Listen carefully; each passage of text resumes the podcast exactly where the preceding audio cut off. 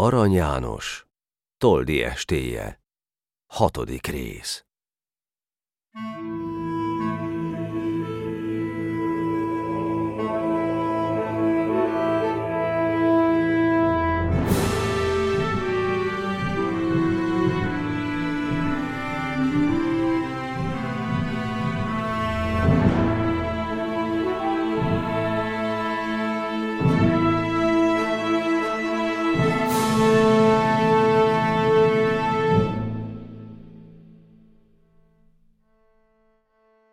Most Bencéhez térek, aki otthon maradt. Mi emlékezetest vín véghez az alatt, dolgozék a jámbor, szintú izzad belé, söpre takarít a kapkodott száz felé, a sok ócska fegyvert sorra törülgette, egyiket letette, másikat fölvette, hányt vetett, csinált a majdani rend véget a szobában szörnyű nagy rendetlenséget. Ott volt a kapus is, hanem ő csak nézte. Elég volt az neki, azt is alig győzte, mert mintha sebes szél törne, hányna, vetne, azt mívelte Bence, és az ő nagy kedve. Egy öreges nótát dúdolt jó kedvében, melynek a versét már elfeledte régen. Mindjárt rányerített odakünn a sárga, szegény az abrakot békétlenül várta. Most elkezdi Bence a kapushoz szólva. Egy koma, kezd be a lovat az olba. Lesz a céna elég, lesz zab, vess elébe. Ha te meg nem etted, hagytunk harmadéve. Közd jászorra őket, s vess eléjük, mondom, magam rá nem érek. Lásd, ezer a gondom. Bővebb utasítást, mint hiába lesett a koma, mert Bence súrolásnak esett. Kün megfontolá még a rábízottakat, illő messzeségről nézte a lovakat. Szent atyám, tűnődék, vaj, mit tevő legyek. Megharap, ha elül, rug, ha hátul megyek. Sosem ült lovon a becsületes varga, bár ifjabb korában a sarut megvarta. Azt se varja többé, amióta szeme rászaporodott, és kettőből négy leve. Sokszor volt ugyan már dolga lófélével, ha nem is a lóval, legalább bőrével, s nem került kezébe oly vadparip, amelynek nem parancsolt volna akkoriba. Bicskiája, mint egy pokolbeli sátán nyargalódzott végig a szegény ló hátán. Mérte, szapta, vágta. Ő volt akkor az úr, most a kantárhoz is keze reszketve nyúl. Addig próbálgatta, hogy megmerte fogni, mert a félelemhez kezdte hozzászokni. Ha pedig az ember a félést megszoká, megjön a bátorság, nem marad el soká. Szívébe merészség szállt a kis embernek, nem olyan, amivel ütközetet nyernek, hisz a kis vargába annyi sok lett volna. Nem, csak hogy a lovat beköté az ólba.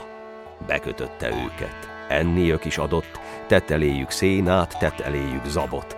A lovak aztán, hogy enni kapnak végre, elkezdtek röhögni a várteleségre. Nyihogtak, vihogtak sokáig hiába, de belésen faltak a drága szénába. Egy csodán a varga csodálkozik nagyon, törte az elméjét, hogy s miképpen vagyon.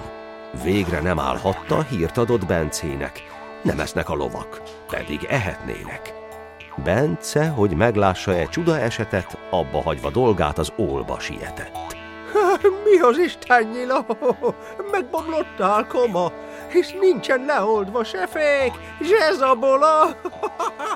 S úgy nevetett Bence, hogy eltán nem ájult, de a két vékonya iszonyún megfájdult. Majd, hogy meg nem evé kezét, lábát érte a kapus, hogy ő ezt észszel föl nem érte, de meg arra gondol, mit ért volna az észszel, hisz csak nem mert volna oda nyúlni kézzel. E gondolat neki vigasztalást adott, valahányszor Bence szemébe kacagott, aki lezablázván a két éhes párát, visszament a házba folytatni munkáját. Nem sok időt tölte Bence a dologban, mert ihol gazdája dühösen betoppan. Menj, törkős haragom! Bömbölés elfúlott. Elfolytá szavait az erős indulat. Buzgányát az asztal közepére csapta, hogy a vaskos deszka béhorpat alatt. Jaj, e volt. Jaj, e volt utolsó ereje. Tántorog a lába, szédeleg a feje. Bence sajditá, hogy rosszul lesz a dolog.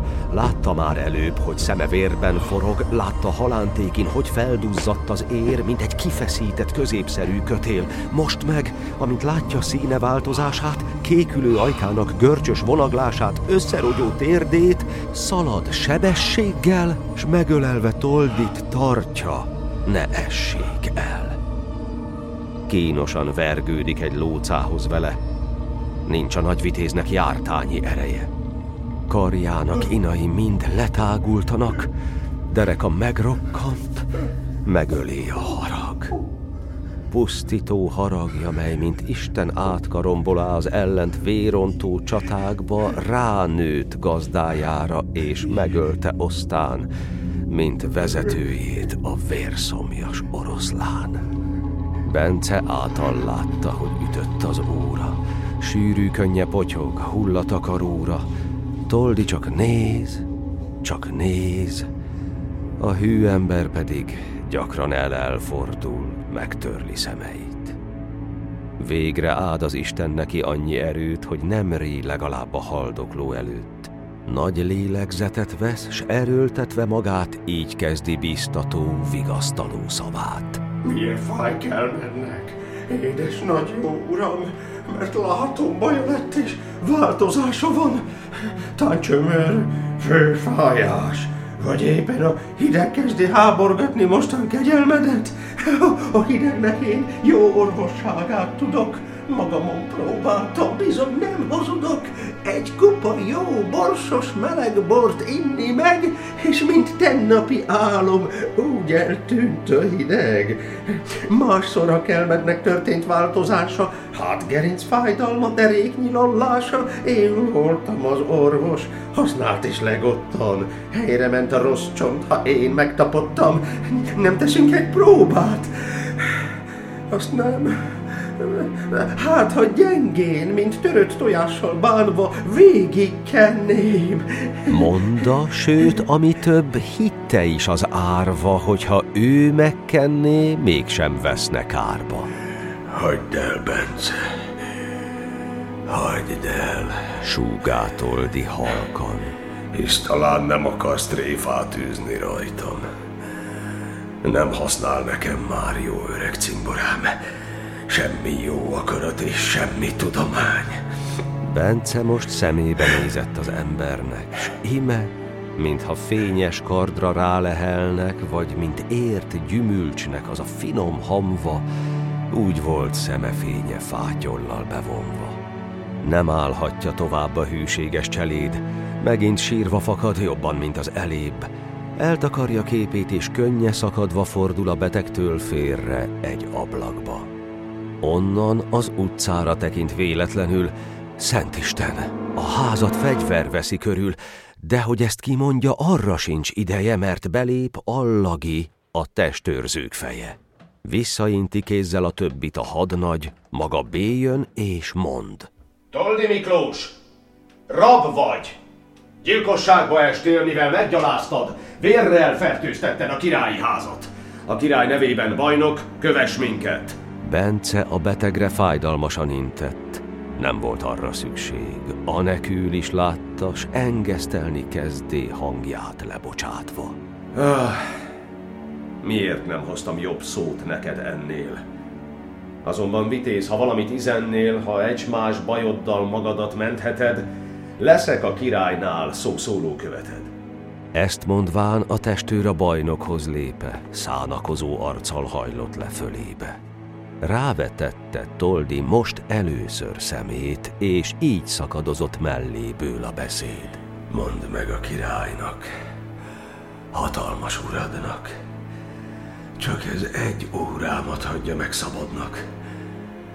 Készen áll a börtön, megyek abba önként, hol nem földi bíró lát. Fejemre törvényt Elfordítja szemét, de szája mozog még. Mozog is, sohajt is, mintha imádkoznék. Fut Allagi Simon a szót jelenteni. Toldi, halál révén, uram, és ezt izeni. Ezt izeni tőlem felséges uramnak. Halála óráját hagyja meg szabadnak. Sír lesz a fogháza, elmegy abba önként, földi bíró többé nem szab őrá törvényt. A király megdöbben, s hirtelen felkiált. Minden ható Isten! Így lesz vége tehát. Dicsősége napján elhagyva, betegen, meggyalázva, s meghal. Hotza köpönyegen! És felkavarintva köpenyét nyakába mondá, hogy vezessék a toldi lakába. Elül megy a testőr, ennek háta megett a király, és egy-két hű szolga lépeget. Egy cseppet se látszik köntösén, hogy király. Kinevetnék, aki azt merné fogni rá. Az utcán menő, ha szemét rájuk veti, köszön a hadnagynak, de nem köszön neki. Süvegelik vagy nem, arra semmi gondja, sőt felső ruháját a képére vonja, siet, amint gyenge lábaitól telik, fél, hogy a vitézt már életben nem lelik. Célját érte mégis. Az az egy öröme meglett fájdalmában, hogy még jókor jöve, mert van néha öröm a keserűségben, mint tarka szivárványa fölleges égen. A király egy székre a beteg mellé ül, és fölé hajolva szólítja nevérül. Toldit környékezte már az a fél álma, mely elnyomja végre, s ejti mély halálba. Felriadt a szóra, ismeré azt szinte, nagy merő szemekkel Lajosra tekinte, ráismert, de mint egy kételkedve hol van, a padlás gerendát kezdte nézni sorban. A király megszólal. Nem ismersz engemet? Toldi, ősz barátom, hogy elfordul szemed. Én vagyok, a király, nem aki megbántott. Én Lajos szólítlak, régi jó barátod. Eszmélj vissza, nézz rám, ne fordítsd el szemed. Egy szót mondj, ne többet, akármit, nevemet. Ki tudja egymásra hol, s mikor találunk. Búcsú szó nekül csak nem lehet elválnunk. Toldi tisztán eszmélt, és minden erejét összeszedve kissé fölemelte fejét. Képpel a királyhoz erőlködve hajlék, és nyújta kezét, mely hideg volt, mint a jég. Egyszer, mint beszéle, értelmesen halkan.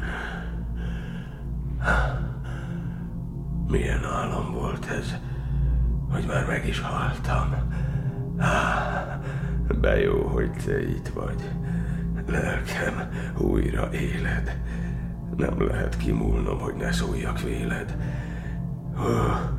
Barátom, vedd fel most tőlem a nevet. Megbocsás, ha jártam valaha ellened. A sémbes, ha durva voltam, lattal nem ért. Engedd el ezt nékem az én jó szívemért. Meglakoltam úgy is. De hiszen annak vége. Oda van lelkemnek sok szép reménysége. De hiszen ami elmúlt, az meghalt, elveszett. Vérasztója is úgy jár az emlékezet. Végső rendelkezést tennék. De hát, minek? Nem igen van miről, s ha volna sincs kinek. Nem hagyok örököst, csak egy hű cselédet. Azt kötöm szívedre, meg a magyar népet. Szeresd a magyart, de ne faragd le. Szóla. Erejét, formáját, durva kérgét róla. Mert mi haszna símább, ha jól megfaragják. Nehezebb eltörni a faragatlan fát. Ezt mondván sohajtott és visszahanyatlék. Jobb keze a király kezében maradt még, szeme sem fordult el, csak nézett keményen, de mint a szarué olyan lett a fénye. A király pedig len így felelt szavára. Hogy ne lenne gondom az öreg szolgára? S a magyart, a népet mikor nem szerettem? Birodalmát három tengerig vetettem, mindig abban jártam, fáradék is bezzek, hogy magyar népemnek hírt, nevet szerezzek, hogy megsüvegeljék békében, csatáin, kívül is, belül is országa határin. Nem dicsekszem, ebben nem is azért mondom, Istenem, de hát azt kell leigazolnom, és kivált előtted. hisz mi tudjuk ketten, hogy a magyar népet mi igen szerettem. Vagy hát nem szeretet volt, hanem gyűlölség, hogy simítni kezdtem a nemzet erkölcsét, és azt akartam, hogy a népek dísze légyen, kivel becsületet valljak és ne szégyent. Hajt az idő gyorsan, rendes útja eljár. Ha felülünk, felvesz, ha maradunk, nem vár, változik a világ. Gyengül, ami erős, és erős lesz, ami gyenge volt az előtt. Hajt az idő, nem vár. Elhalunk mi vének. Csak híre marad fenn karunk erejének. Más öltőbeli nép, más ivadék nő fel, aki észszel hódít, nem testi erővel. Ím, az ész nemrég is egyszerű port talált, mely egész hadakra képes szórni halált. Toldi vagy nem toldi, hull előtte sorban, az ész ereje győz, abban a kis porban. Szólt és rátekinte a beteg arcára, jaj, de vége van már. Leesett az álla. Mégis össze vannak kapcsolva kezeik, mint két összenőtt gaj, bár elszáradt egyik. Lefejté az élő kéz a halott kezet. Hosszú hallgatás lőn. A király könnyezett. Bence meg félreállt, csak az ajtó megé, és erős rászkódással zokog vala szegény. Eközben a napnak szép piros sugára téli naplementen nyugalomra szálla. Eltűnt az ablakból szivárvány játéka, s fátyolt vete arra nagy hegyek árnyéka. A királyra nézett a gyászkötelesség, meghagyni legottan, toldit, hogy temessék. Egyszerű koporsó lőn a nyugvó háza, de vasból, talán, hogy erejét példázza. És még akkor este alkonyi homályban nagy sor fákja indul útnak Budavárban. Messziről azt hinnék, ott megyen, ott ballag, hogy toldit kísérje valamennyi csillag. Lovas katonák közt a gyászkocsi halad. Rajta Toldi Miklós vasboríték alatt. Mellette ül Bence a kocsi oldalon. Összegörnyeztette a nehéz fájdalom. S gyűl a nép az utcán, mint valamely folyam. Minden köz, sikátor, mint egy patak olyan, mert miképpen a víz patakból folyamba, úgy özönlik a nép ezekből amabba. Még sincs semmi lárma. Hallgatva kísérik mostan visszatoldít rákos mezejéig. Megáll a koporsó a rákoshoz érve, s átteszik azt másik, födeles szekérre. Egyszer, mint az égő fákják kialusznak, csupán négy világol, mint egy kalauznak, mely a nagy faluba vivő úton halad, míg a nép sötéttől megborítva marad. Könybe lábat szemmel nézik-e négy fákját, sötét messziségben, ameddig belátják, aztán csapatonként hazafelé térnek, emlegetve dolgát az elhunyt vitéznek. Harmadnap olyankor egy fölleges estén domb emelkedett már Toldi Miklós testén, amelyet az őskert bánatja jelével behinte lehulló sárga falevéllel. Nem jelölte a sírt drága érc vagy márvány. Bence volt az emlék lába felül állván. Egy ásót ütött le, arra támaszkodék, s elborítá a sírt új havával az ég.